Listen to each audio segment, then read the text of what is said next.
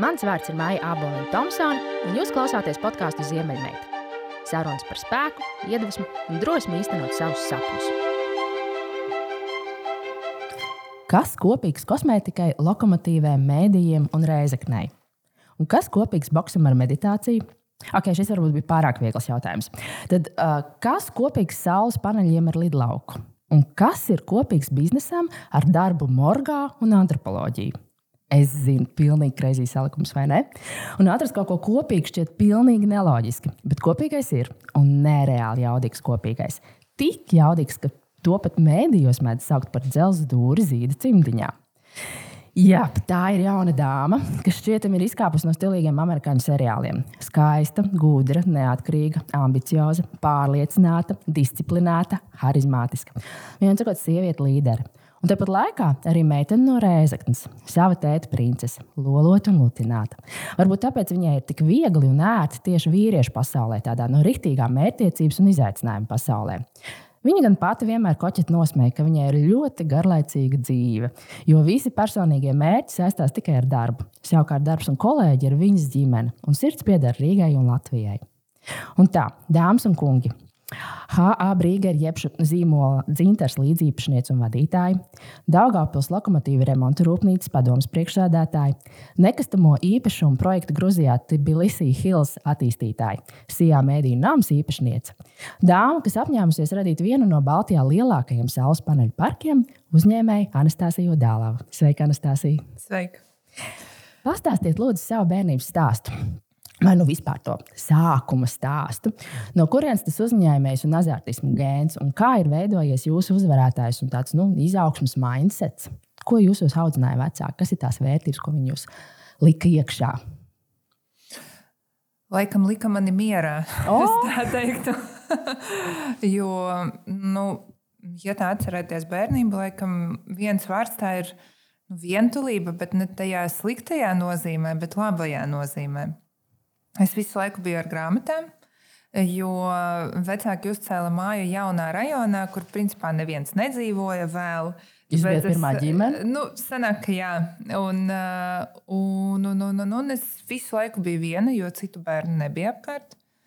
Un grāmatas bija mani labākie draugi. Tā kā vecmāmas, grāmatas un uh, viss. Un, uh, jā, nu, vecmāma man iemācīja lasīt uh, četros gados. No tā, no tā brīža mans ceļojums grāmatu pasaulē arī sākās. Tāpēc es biju tāds grāmatu darbs. Kurš žanrs vislabāk patīk šodien? Šodien? Mm. Man patīk tāda smagā klasika, nu, Dostojevskis, uh, uh, Nabokovs, rekurmentē arī kabinetā. Mm. Tie ir tādi autori, nu, kuri no pēdējiem, ko es pārlasu visu no viņu daļradas. Klasika. Klasika, jā. Kāda ir bijusi jūsu pati tā grūtākā varbūt, pieredze veidojot biznesu, un uh, kā jūs tai tikāt pāri? Es domāju, ka vispār sākt. Jo man likās, ka es absolūti neesmu pār biznesu. Man nekad negribējās nodarboties ar biznesu. Man bija absolūti savādāks uzskats par to, Mm, kāda būs mana dzīve, kas es būšu 30 gados, 40 gados, kā tas viss izveidosies. Un, uh, valsts pārvaldē es tiku nejauši. Vienkārši atnākot kā jurists un izaugot līdz valdes loceklim un saprotot, ka cilvēku vadība ir tas, kas man sanāk ļoti labi. Um, nu, tā tas viss arī sākās. Pēc tam man bija izaicinājums pierādīt, ka mm, cilvēks, kurš ir strādājis valsts pārvaldē, var izdzīvot reālajā dzīvē. Jo tāds, tāds mīts arī pastāv, ka cilvēki no valsts pārvaldes nonākot reālajā pasaulē pazudīs, jo tie spēles noteikumi ir pavisam savādāki. Un reālajā dzīvē ir viss daudz sarežģītāk nekā sakārtotajā valsts pārvaldē, birokrātiskajā. Tad, tas bija man liels izaicinājums Grūzijā, vēl ņemot vērā kultūras atšķirības un uh, um, nu, tādas, laikam, ne tikai kultūras, bet vispār izpratnes atšķirību par to, kas ir darbs, priekš kam nākt uz darbu, kā darbs ir jādara. Nu, tad, uh, tas bija tāds liels pārbaudījums uh, man kā personībai. Droši vien tāpēc arī um, pārsvarā tās biznesa un uh, valsts institūcijas nesatiekās. Laikam tāpēc tā arī ir, jo pa lielam ir ļoti sarežģīti cilvēkam no biznesa saprast, kā strādā valsts pārvalde. Un uzņēmējs ļoti bieži pārvērtē to ieinteresētību no valsts pārvaldes puses uh, par to, kas notiek reālajā pasaulē, jo tie mērķi ir savādāki. Uh, tā uztvere ir savādāka par to, kas tev ikdienā ir jāizdara. Un, um, tas, laikam, ir tāds, nezinu, ir pauģu konflikti un ir rekordu biznesa un, un valsts pārvaldes konflikts. Tad es domāju, ka man tas palīdz, jo es saprotu, kā strādā abas puses. Un uh, situācijās, kad ir vajadzīga kaut kāda iesaiste no ierēģņu puses tajā vai citā biznesā, nu, tad man ir. Es gribētu ticēt, ka man ir vieglāk uzrunāt pareizi uh, ierēģņus, lai, lai viņi ieklausās, kas ir tas, kas ir nepieciešams. Man ļoti patīk Somijas piemērs, kur uh, kā tur tiek pieņemti likumi kad, un lēmumi tāda valstiska līmeņa, kad atnāk uzņēmēji Viņi izdiskutē pie viena galda, un tikai pēc tam tiek pieņemts attiecīgi šis likums par vienu vai otru jomu, ieklausoties tajā biznesa pusē un vispirms izējot cauri šim dialogu um, raundam. Kā jums liekas, vai tas ir iespējams Latvijā un kam būtu jānotiek, lai tas būtu iespējams Latvijā? Tīri teorētiski Latvijā tas arī notiek. À. Ir okay. taču saimā, ir tautsājumniecības komisija, ir nu, visas, cik tur tās komisijas ir, kurās tiek apspriesti likuma projekti, kur var nākt uzņēmēji, kur var izteikt savu viedokli. Nu, pārsvarā tas notiek caur LTRK, mm, kad uzņēmēji pauž savu viedokli uh, Rūpniecības, Tirzniecības kameras iekšienē, un tad kamera nāk ar uzņēmēju viedokli par to vai citu jautājumu. Problēma ir tā, ka, diemžēl, cilvēkiem nonākot saimā, viņiem liekas, ka viņi ir atrauti no, no sabiedrības un nekad atpakaļ neatgriezīsies. Tāpēc var neieklausīties tajā, ko prasa un grib uzņēmēji, bet darīt, kā viņiem liekas, ir labāk. Un, un te ir tas konflikts, kur laikam Somijā cilvēki atcerās, no kurienes ir nākuši un kur atgriezīsies. Um, mūsējiem liekas, ka viņi ir Nekad nebūs atpakaļ. Vismaz mūžīgi vienā citā jomā. Jā.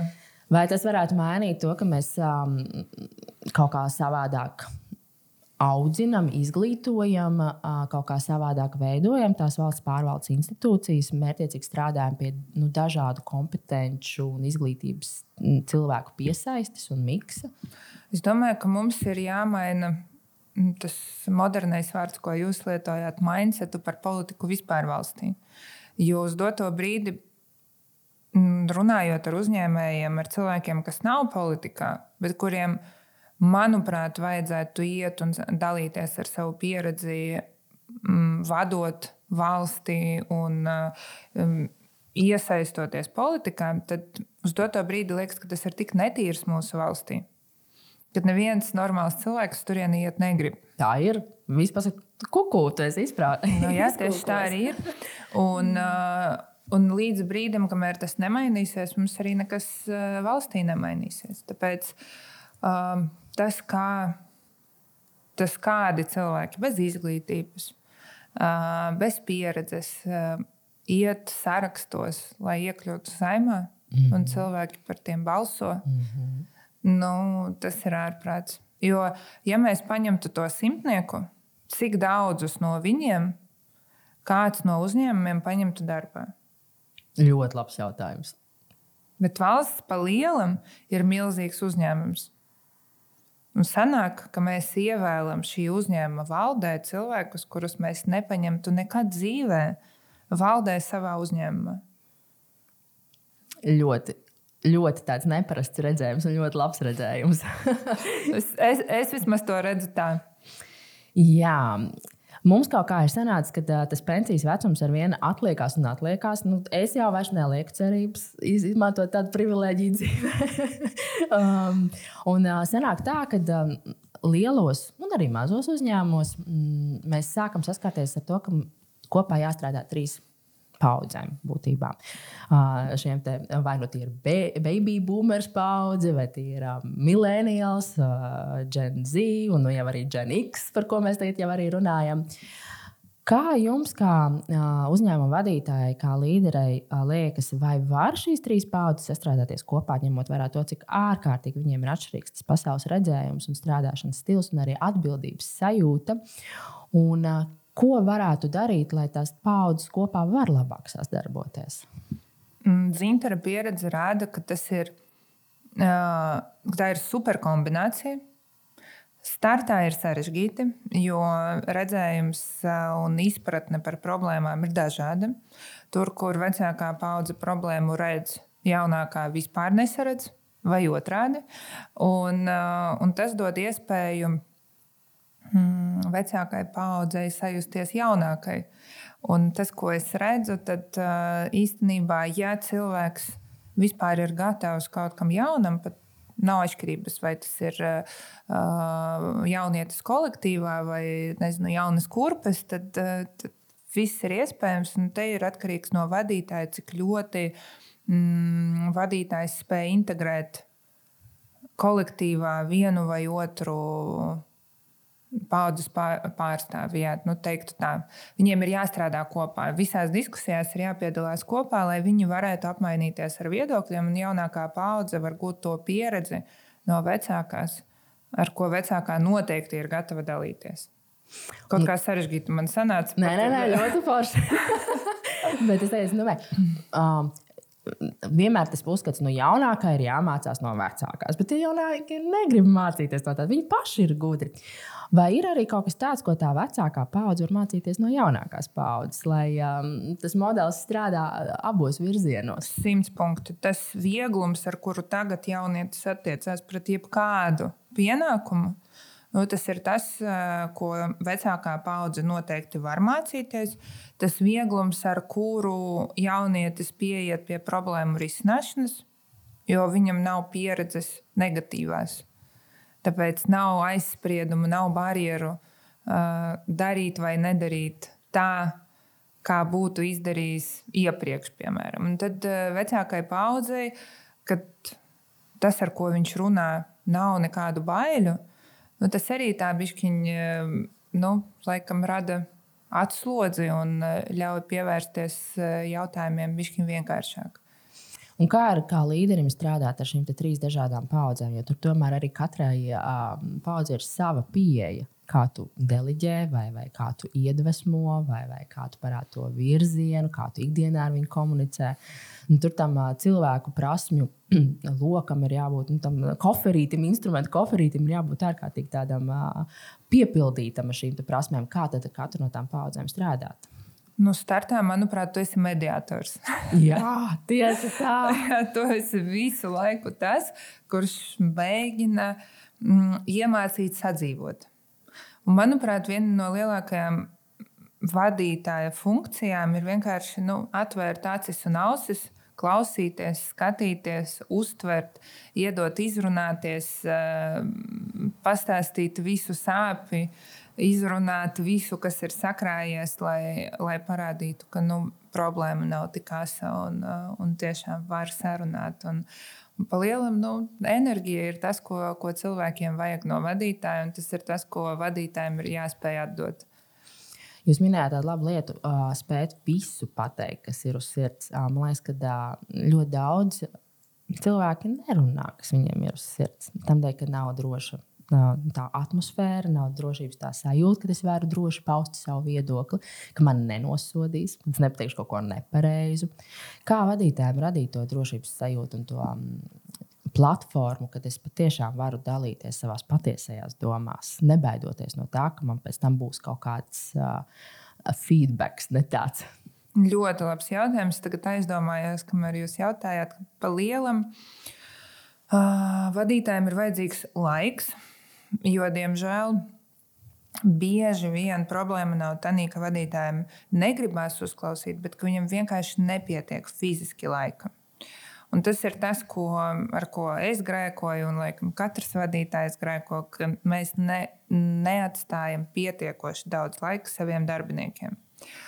Uh, un, um, Es nezinu, man, man vismaz manā pieredzē ir tā, ka, ja man ir laiks, un ja man ir tā enerģija, un ja es dodu cilvēkam iespēju izteikties, nu, tad tas ir vienkārši desmit minūšu jautājums, kamēr cilvēks atverās un, un tad aiziet, viss, viss tiek pateikts. Un vienkārši cilvēki zina, ka pēc tam nekad neatlidos atpakaļ. Respektīvi, viss, kas, paliek, kas tiek izrunāts kabinetā, paliek kabinetā.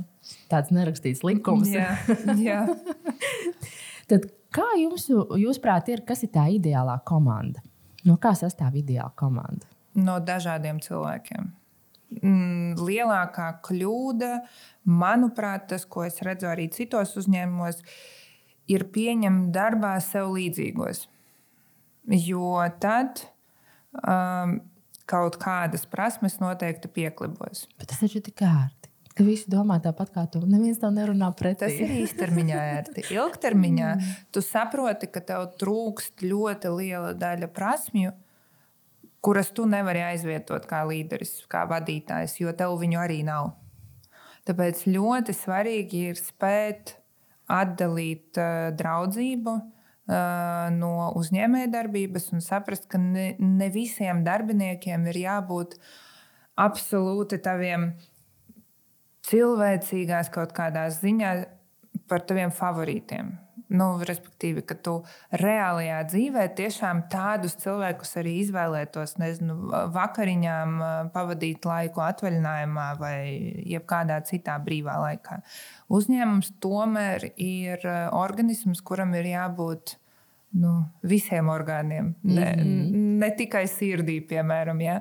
Tad nu, lielākā māka ir tieši sakomplektēt komandu ar dažādām prasmēm un arī ar uh, dažādu personības pieeju. Jo um, parasti arī ir uzskats, ka nu, komandā noteikti vajag vienu to, kas tev vienmēr pateiks taisnība acīs, lai kāda tā nebūtu, cik skarba, cik uh, mm -hmm. savādāk. Un tam uh, vienmēr tam vienam nērtajam kritiķim tajā komandā arī ir jābūt, lai nu, to līdzsvaru saglabātu un arī kaut kādu kritisko redzējumu uz lietām, tādu asu, asu redzējumu arī uz lietām. Uh, Parasti tā, ka nu, kurš te būs tas uh, ļaunais? es teiktu, ka nē, tas ir tas. Man ļoti patīk dzīvēt tādi cilvēki. Es pilnīgi augstu, ja man ne tikai darbā, bet vispār dzīvē sanāk satikt cilvēku, kurš var ar mani diskutēt. Es, es gūstu baudu no tā diskutēt par lietām, kuras jūs nepiekrītat, un beigās jūs nonākat pie kaut kāda konsensa, vai arī beigās konsensus tāds, ka Paldies, es palieku pie sava viedokļa, tu paliec pie sava viedokļa. Tā arī var būt forši. tā arī var būt, un tas arī ir forši, ka katrs var, nu, mēs dzīvojam demokrātijā, mēs varam katrs palikt eh, pie sava. Un tas ir super apzināties eh, to, mm, ka tu vari diskutēt ar cilvēku ar apziņu, ka tu vari palikt pie sava, un otrs cilvēks arī ir tiesīgs, un viņam ir iespēja palikt pie sava viedokļa. Nē, nav jau stāsts par uzvaru. Mm -hmm. Jā, nu, pa, tieši par procesu un par baudu uh, piedalīties diskusijā. Kā jums liekas, kā ir mainījusies biznesa vide un vispār biznesa definīcija mūsdienās? It īpaši jau vēl pēdējo 3-4 gadu laikā. Jo cik daudz es arī ikdienā strādāju ar uzņēmējiem, viņi saka, ak, Dievs, es pēdējos trīs gadus, kā man gribās vienkārši pastrādāt tā, kā es strādāju pirms četriem gadiem, kad es zināju, ko es darīšu pēc pusgada. Es esmu tā noguris. man visu laiku sit no visām pusēm - pandēmija, karš, inflācija, energokrīze, dzīves dārdzības sadārdzināšanās. Uh, un vēl kaut kādi darbinieki iet projām. Nu, uh, respektīvi, tā vide kļūst tik ārkārtīgi dinamiska, tik ārkārtīgi mainīga. Kas tad ir tas, kā izstāsta šobrīd biznesa, ko mēs vispār šodien varam saprast ar biznesu? Tas arī ir biznesa, ko jūs tikko pateicāt. Tā, tā arī ir mūsdienu realitāte. Bet, ziniet, manuprāt, katrā no posmiem tev ir savi pārbaudījumi. Vienkārši katrā no dienām tev liekas, ka šī ir tā vissarežģītākā. Un pēc tam, pēc pāris mēnešiem, gadiem, tu atskatīsies uz šo laiku un tev liksies, ak, Dievs! Cik, Cik tā bija labi. bija tas un tas absolūti skaidrs. Bet tas jau ir no tās nākotnes perspektīvas. Tāpēc nu, mums ir tas, kas mums ir. izdzīvo spēcīgākais. Nu, tā, tā tas ir. Jāpielāgojas. Kas ir tās prasmes, kas šodien nosaka labu līderi un vispār ir nepieciešams labam līderim? Jo mēs ļoti daudz runājam par to, ka uh, ņemot vērā vispār gan klimata pārmaiņas, gan, gan, gan, gan šo te, uh, nestabilo ģeopolitisko situāciju, gan, gan dažādos šos inflācijas izaicinājumus, tam līderim nu, viņš kļūst savādāks. Viņam ir vēl uz atsevišķākām formām jāfokusējas un jautājumiem jāfokusējas. Kā jums liekas, kā ir mainījies tas līderis? Kas ir tās prasmes, kas viņam vēl nāk papildus klāt, kas viņam ir jāsaprot? Fleksibilitāte. Tas ir, ziniet, ja jūs apskatīsieties manas intervijas divas, trīs gadus atpakaļ, tad uh, viens no virsrakstiem bija bez kompromisiem. tad tagad kompromisa māksla tas ir tas, ko es, piemēram, šo gadu laikā esmu mācījusies.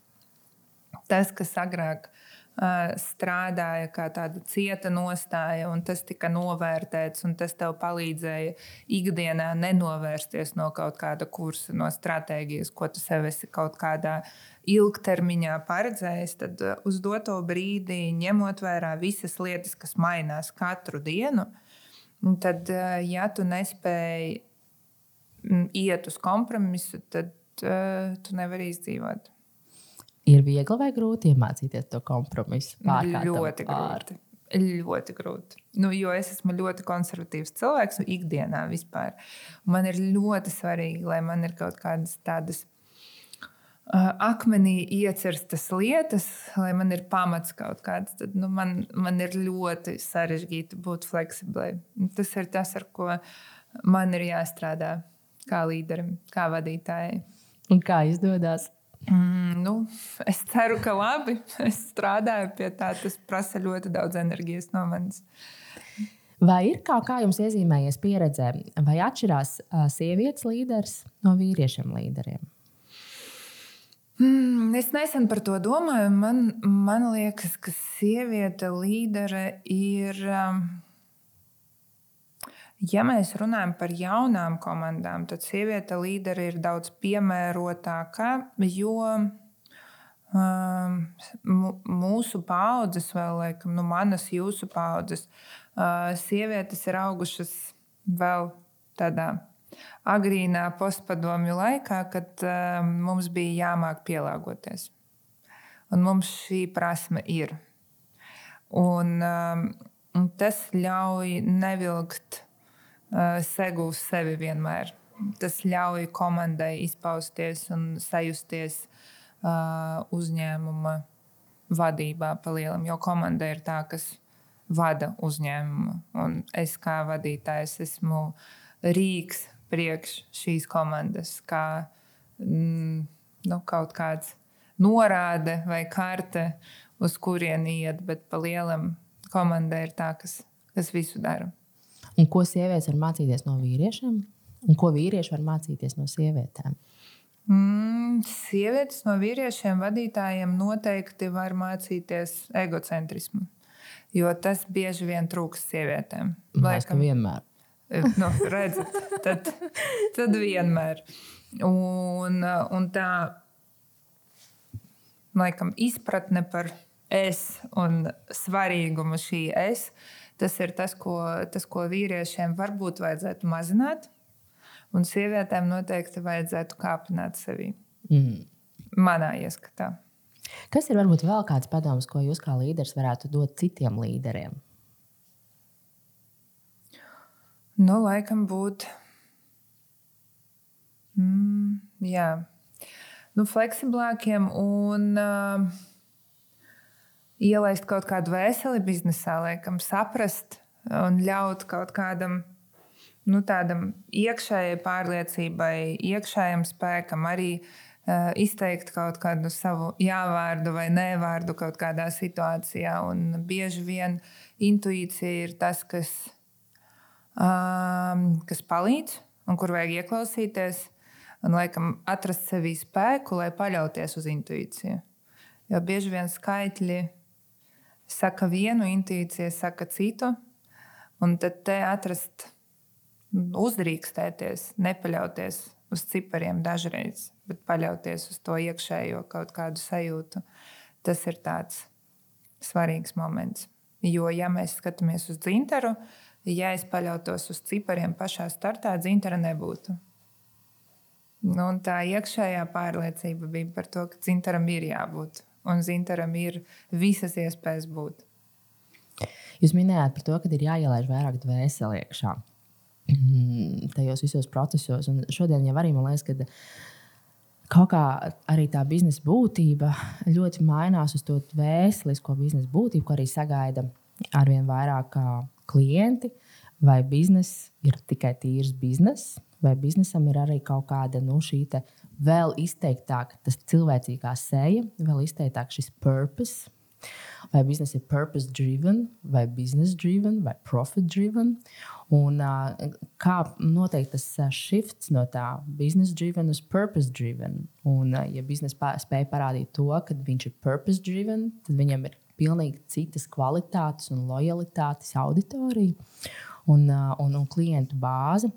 Tāpat laikā man liekas, ka to purpose ir tik grūti ieaudzināt uh, tajā biznesa kultūrā un vērtībās. Un vispār atrast to galveno purpose, kam spēj noticēt pilnīgi ik viens darbinieks.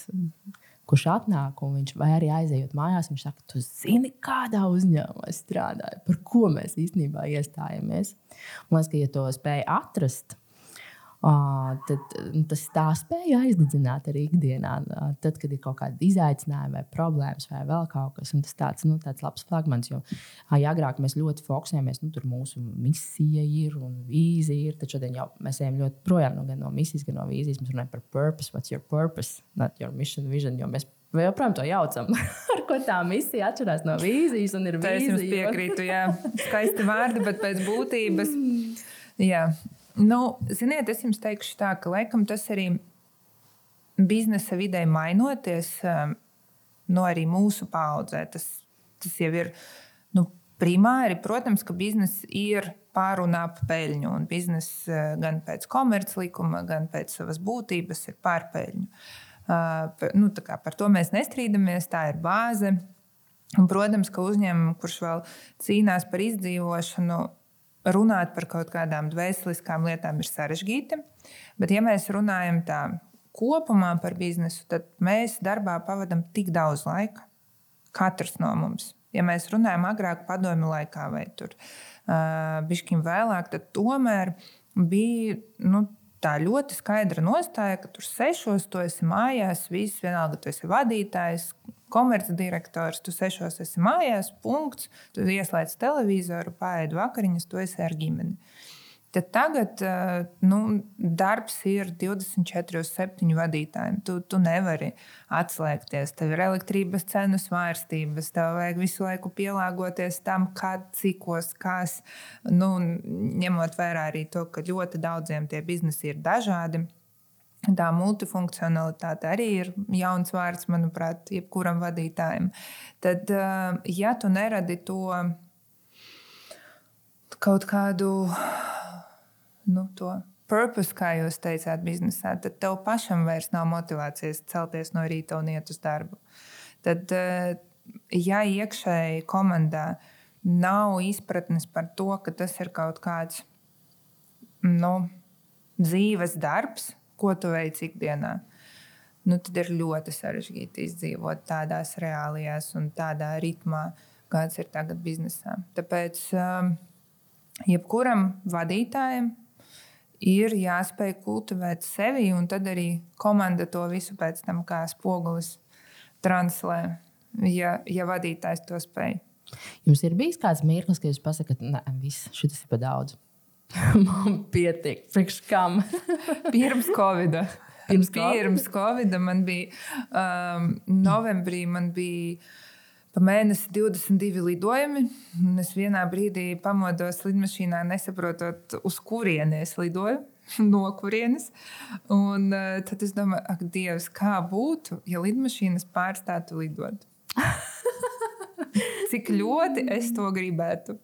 Un martā vai, vai februāra beigās tas viss notika. Es, ja godīgi, es no sākuma izbaudīju pirmos divus mēnešus. Tas bija laikam vispaklausīgākais, visu ierobežojumu ievērotājs, jo es tiešām guvu baudu no iespējas pavadīt laiku ar sevi. Nekur neskriet, neko neplānot. Tas bija tāds, tā bija tāda ļoti laba atpūta man. Un tagad man nav tiesība teikt tā, kā jūs. Mm. Jūs, jūs teicāt, ne, nu, es tā nevaru. Jūs varat iedomāties, ja jūsu vadītājs atnāktu vai, vai jūs kā vadītājs uz savu uzņēmumu 25. februārī pagājušajā gadā ar apziņu, ka viss ir beidzies, trešais pasaules karš, tagad, eh, ko tagad darīt, neko. Un visi sēdētu uz jums, skatītos un saprastu, nu, ka tiešām nu, tagad viss ir beidzies. Nu, vadītājiem nav tiesību nākt uz darbu ar tādu sajūtu. Vadītājiem ir jābūt tam, kurš teiks, ka nē, viss būs labi. Rītdiena būs labāka nekā šodiena. Un, nu, tur nav tādu opciju. Un kur jūs uh, smeļaties to drosmi un iedvesmu un to spēku? Mm. Kaut kur, nezinu, tā, kaut kur tas radās. Nu, man ir noteikti jābūt pašai ar sevi. Manuprāt, tā mm, pabūšana ar sevi tas ir tas lielākais enerģijas uh, lādiņš man lai pēc tam iet un atkal cīnīties ar visu pasauli. Man tiešām man ir e, jāspēj saplānot laiks tā, lai, lai pabūtu vienai. Un vai senāk arī saplānot to laiku tādam kvalitatīvam, tai, tās vīzijas attīstībai? Jums noteikti ir vīzija, uz kurien jūs ejat. Mm, Cik protams. bieži jūs to skatāties, revidējat, pārdomājat? Mm, dzīve to revidē. À, nu jā, arī taisnība. Ziniet, te, tu vari plānot, ko tu gribi, bet dzīve ienes korekcijas. Un, sākoties ar pandēmiju, mēs to visu ļoti labi redzam. Tu vari plānot, ko tu gribi. Dzīve tev tāpat ienesīs korekcijas. Un, galvenais ir, lai tavi mērķi būtu tik fleksibli, lai mm, pienākot kaut kādām izmaiņām, viņi nesabrūk. Mm -hmm. Jūs minējāt, ka darbs ir 24,7. Tāpat laikā šobrīd ir ārkārtīgi vienkārši nu, tik nenormāli populāra tā kustība. Tev pietiek ar četrām stundām, lai būtu biznesa līderis. Tev nevajag strādāt 24, 7. Tu visu vari izdarīt četrās stundās un justies pilnīgi super laimīgs un pelnīt lielu, lielu, lielu naudu. Ir iespējams, vai nav iespējams to nekad? ja ir iespējams, esmu gatava samaksāt lielu naudu tam, kurš man to iemācīs. Un to ir ļoti daudz skolotāju apkārt. Nē, nu, bet tiešām ziniet, tādu, kuram pašam ir sanācis nevis tikai mācīt un stāstīt, bet eh, nu, kurš tiešām to ir piedzīvojis dzīvē. Es tādu neesmu satikusi. Visus eh, vadītājus, kurus es pazīstu personīgi, dažādās valstīs, ar eh, milzīgiem apgrozījumiem. Um, Visi strādā 24, 7. Es neesmu redzējusi nevienu vadītāju, kurš strādātu 4 stundas. Ja mēs runājam par tiešām tādu vērā ņemamu, ar tiešām lielu apgrozījumu. Nē, es nerunāju par um, IT speciālistiem, jo tas ir bijis savādāks bizness. Ja mēs runājam par tādu klasisko biznesu, tad uh, četras stundas neticu. Trīs dienas nedēļā. Izklausās nu, skaisti, vai ne? Mm, nē, man patīk strādāt. Es negribu četras stundas dienā strādāt. Ko tad es darīšu pārējās? Baudīs dzīvi. es baudu dzīvi strādājot. Jā. Cik liela ir nozīme pašapziņas spēkam ceļā uz panākumiem, cik liela nozīme ir disciplīnai un cik liela nozīme ir tam mindsetam? Visam, ko jūs nosaucāt, ir ļoti liela mm, nozīme. Es pat, neteik, es pat nevarētu pateikt, kam ir lielāka. Visam, ko jūs nosaucāt, ir jābūt ļoti lielā proporcijā. Disciplīna ir mega svarīga. Ja tu nebūsi disciplinēts, tava komanda arī nebūs disciplinēta, jūs nekad nenonāksiet līdz rezultātam. Ja nebūs pašapziņas par to, kas sanāks, neies cilvēki tev pakaļ. Neies, neticēs mērķiem, ko tu esi uzstādījis, necelsies no rīta, lai atbrauktu agrāk uz darbu, netaisīs labākās prezentācijas, nepārspēs pārdošanas plānus. Nu, tā, tā tas nenotiek. Mindsets nu, ir jāspēj kaut kā pareizi sevi nofokusēt un, un, un kaut kādā veidā atrast iekšējo spēku, tomēr būt tādam, nu, laikam, es pat nezinu, kā to noformulēt, cilvēkam, kuru gribās redzēt katru dienu, klausīties katru dienu, satikt katru dienu, mācīties no gan pašam no viņiem, gan mācīt viņu, jo katrs darbinieks mani māca katru dienu. Kaut ko jaunu. Vienalga vai pacietību, vai, vai kaut kādas jaunas lietas, TikToks, vēl daudz, daudz lietas, kuras uzzinu no saviem darbiniekiem. Tāpēc, mm, nu jā, tas ir tas, kas līdzīgā proporcijā tam visam ir jābūt. Es gribēju pavaicāt jums padomu sievietēm.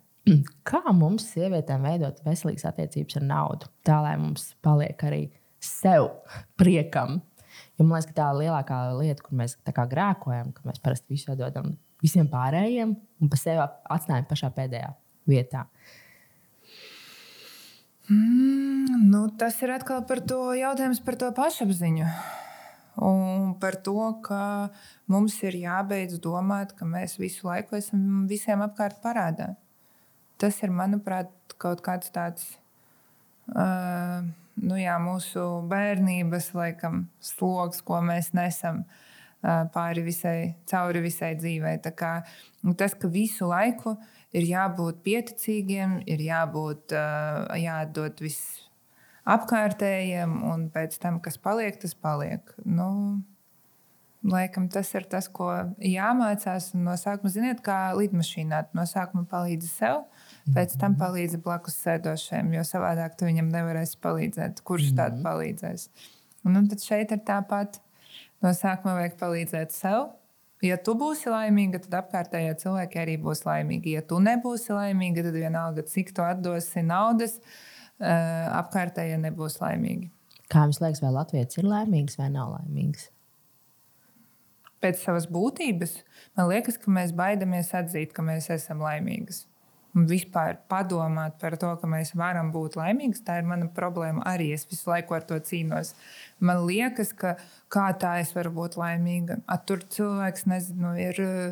Mm, dzīvo uz nabadzības sliekšņa, vēl viņi, tur ir slimi cilvēki, jā, vēl tur ir dzīvnieki, un vēl tās, un vēl tās, un tās. Un kā tu, tu vari būt laimīga? Nu, jāmācās mums. Nē, manuprāt, Latvijā tas visas, mums visām ir kaut kāds tāds absolūti uh, upura sindroms kaut kāds no, no bērnības. Tā, tas ir tā tas pieticība, ko jūs sākumā minējāt, ieaudzinātā. Mm -hmm. Nedrīkst nevienam lepoties, ne ar ko mm -hmm. nedrīkst stāstīt, nedrīkst atklāt. No, mums nedrīkst... ir grēks. Un visas šīs lietas, kas mums tiek ieaudzinātas, nu, tā ir katastrofa. Es ceru, ka mūsdienu bērni uh, spēs uh, izaugt. Uh, morāli, mentāli kaut kā veselīgāki nekā mēs. Vai jūs caur saviem klientiem varbūt redzat, vai tā paudze mainās un tā domāšana mainās jaunākajai paudzei? Jā, noteikti. Noteikti tas, kā jaunieši tagad reaģē uz kaut kādām lietām, kuras man liekas, viņu gados būtu šokējošas, vai nevarat pat iedomāties, kas var atļauties kaut ko tādu darīt. Vai, uh, vai, vai vispār iedomāties pat. Tad tagad, manuprāt, jaunietim nav tādu robežu, limitu. Viņiem, nu, respektīvi, visas robežas viņi nosprauž sev paši, nevis sabiedrība. Pat ja sabiedrība grib kaut ko uzspiest, viņiem ir tik ļoti mm, attīstīta tā, nu, laikam, savu robežu nostādīšana. Nu, un, ja tu mēģini pat uzņēmumā atnākot jaunam uh, jaunietim uz darbu, pirmais, ko dara jaunietis, viņš nosprauž savas robežas. Man kā vadītājam tas ir ļoti jocīgi, jo man liekas, kā Tu tagad atnāc, tev ir pirmā nedēļa darbā, un tu jau man saki, to tu darīsi, to tu nedarīsi. Te ir kaut kādas robežas darba laika ziņā, vai, vai nu, vienalga. Tad man liekas, wow, neko sev, vai, vai tas ir pareizi. Un pirmais man ir, ka nu, kā tā jaunietis var atļauties? Es viņa gados.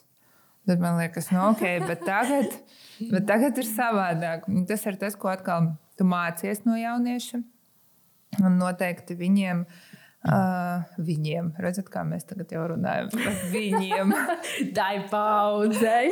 Jā, tai paudzei. Tad, uh, protams, ka viņiem ir citas grūtības, daudz uh, savādākas lietas, bet manuprāt, tā pašapziņa viņos ir audzināta daudz lielāka nekā mūsos.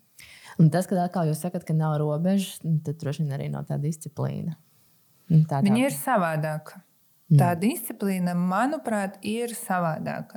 Lai disciplinētu jauno paudzi, tev ir jāspēj ieinteresēt, integrēt, pārliecināt par, par to purpose, kā jūs teicāt. Un, ja tu spēj iedot jaunietim šo mm, intrigu, ieinteresēt, nu, tad, tad viss ir kārtībā. Tam nabaga vadītājiem vajag tik daudz tās rokas un tās intereses. nu, ir jābūt vienkārši atvērtam visam, kas notiek. Kur jūs pats mēģināties to iedvesmu? Ziniet, es darbā esmu ļoti atvērta, pēc darba esmu superkonservatīva. es esmu aizvērta nu, tik ļoti, cik vien varu iedomāties. Nekas jauns, nekas, kas spēj izmainīt manus plānus. Man ir ļoti svarīgi ārpus darba, lai man viss ir pēc plāna. Lai man ir tā sajūta par to, ka vismaz ārpus darba man viss ir uh, iebetonēts. viss ir ļoti skaidrs, un man ir pamats un kājām. Un kas ir tās lietas un tās vietas, kur jūs smējaties, varbūt nu, to, kam jūs sekojat, kas jums ir tāds kā benchmarks, kur jūs uh, ejat pēc jaunām uh, ierosmēm un idejām? Mm, pagātne. Pagātne.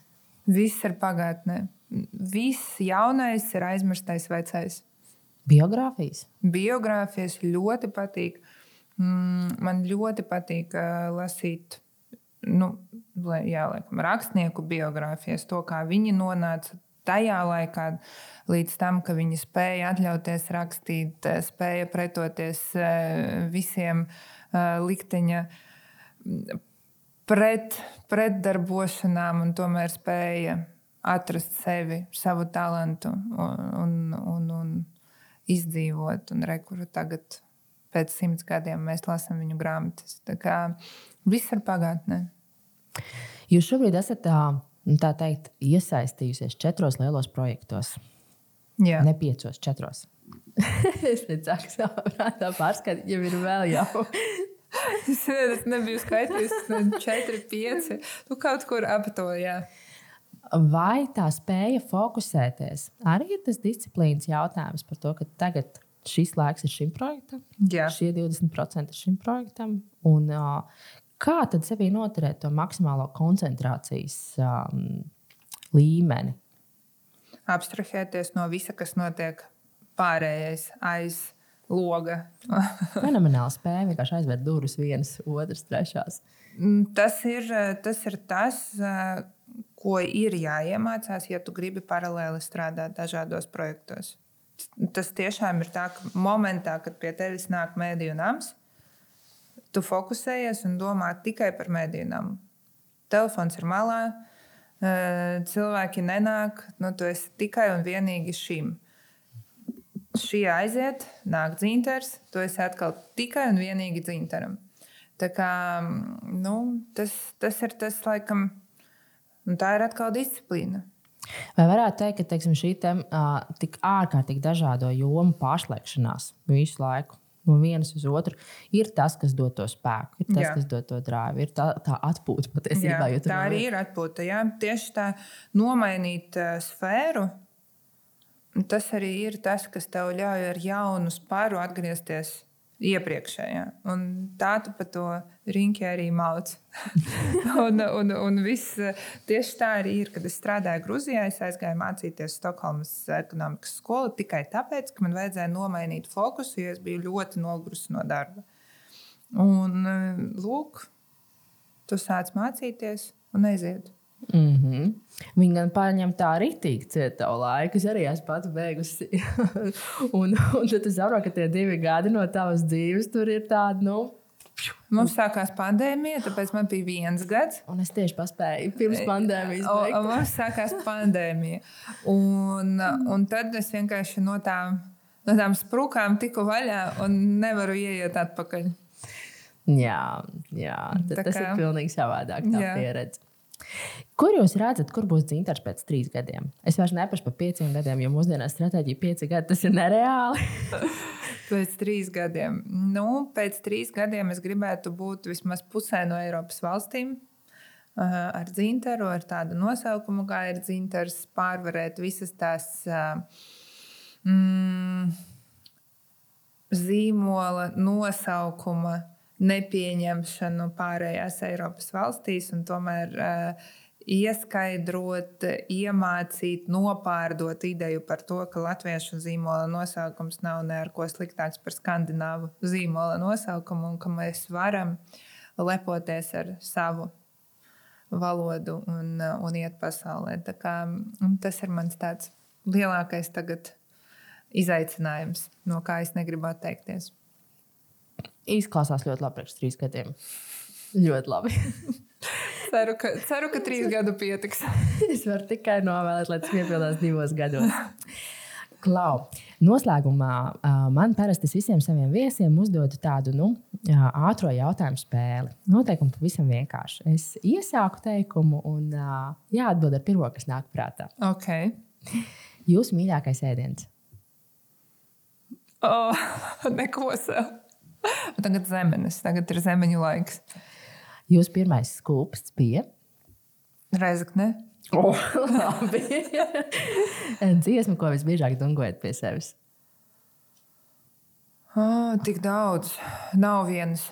Mm, arī tas labi. Lūdzu, turpiniet teikumu. Drosme ir? Es. Drosmīgākā vai varbūt trakākā lieta, ko jebkad esat darījusi? Nopirku zintaru okay, pieņem. Mīļākā filma? Uh, melanholija. Suns vai kaķis? Abi.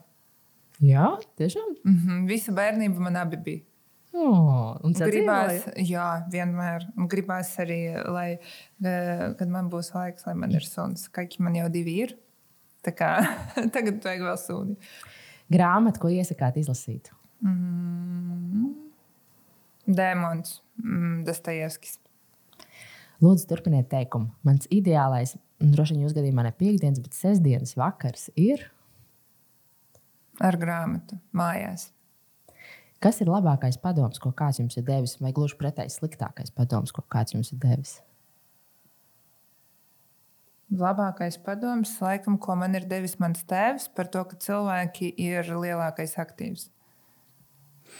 Tava kontakta ir tavs zelts. Jā. Tā ir mūsdienu valūta mm -hmm. patiesībā. Jūsu mantra brīžiem, kad jāsaņemas. Rītdien būs labāk. Un personība, kur iet vakariņās, vienalga vēsturiska, reāla, izdomāta, šodienas. Es gribētu ar tēti. Viņš man ir nomiris jau, bet es ļoti gribētu ar viņu aiziet vakariņās. Skaisti. Paldies jums, Lielas Anastasija, šodien par sarunu. Man liekas, ka tā, tās galvenās lietas, kas ir vērts sev atzīmēt ar zelta vārdiem kad, un zelta burtiem, nav iespējams biznesa 4 stundas dienā. ja gribat tajā biznesa virsotnē, tās ir 24 stundas, 7 dienas nedēļā. Disciplīna, disciplīna, disciplīna, disciplīna un uh, spēja būt uh, savai komandai nevis tam, kas nes to karogu pa priekšu, bet drīzāk kaut kur to karti, turpat plecu pie pleca turēties blakus. Tā kā paldies jums, Mīšanai, par sarunu. Uh, brīnišķīgs tāds atziņas un ļoti vērtīgs atziņas jūs devāt, un uh, lai izdodas piepildīt lielo dzintašu mērķi. Paldies! Liels. Paldies, ka biji kopā ar mums! Ja tev patika šodienas podkāstu saruna, lūdzu, dalies ar to savos sociālos tīklos. Savukārt, ja tev ir ideja, kuru personību tu gribētu dzirdēt kādā no nākošajām podkāstu sarunām, raksti man Instagram vai Facebook atpodkāstu Ziemeļmeita Un kas zina, varbūt šo personību mēs nointervēsim ar tevi kopā, šeit pat, ierakstu studijā. Kārlis Skalbi ir teicis, pasaulē nav gala un debesīm nav malas. Īstā dzīve ir liela kā pasaule un augsta kā debesis. Dzīvosim īsti! Atām!